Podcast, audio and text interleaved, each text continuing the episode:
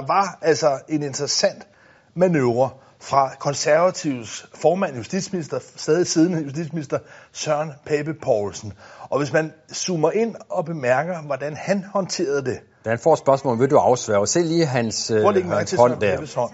Fordi Stram Kurs har peget på jer. Peget på jer hos dronningen. Den går ryge op i Morten Østergaard. kommer den også op. op. Så bliver han lidt i tvivl. har peget på jer.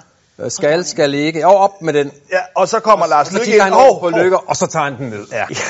altså, det er delikat, det her. Ja. Og, og, og det er jo helt tydeligt, at her ved Rasmus Paludan, som i øvrigt de fleste andre politikere heller ikke, hvordan de skal sætte, øh, sætte en, fod, en fod rigtigt, eller en hånd på den sags skyld.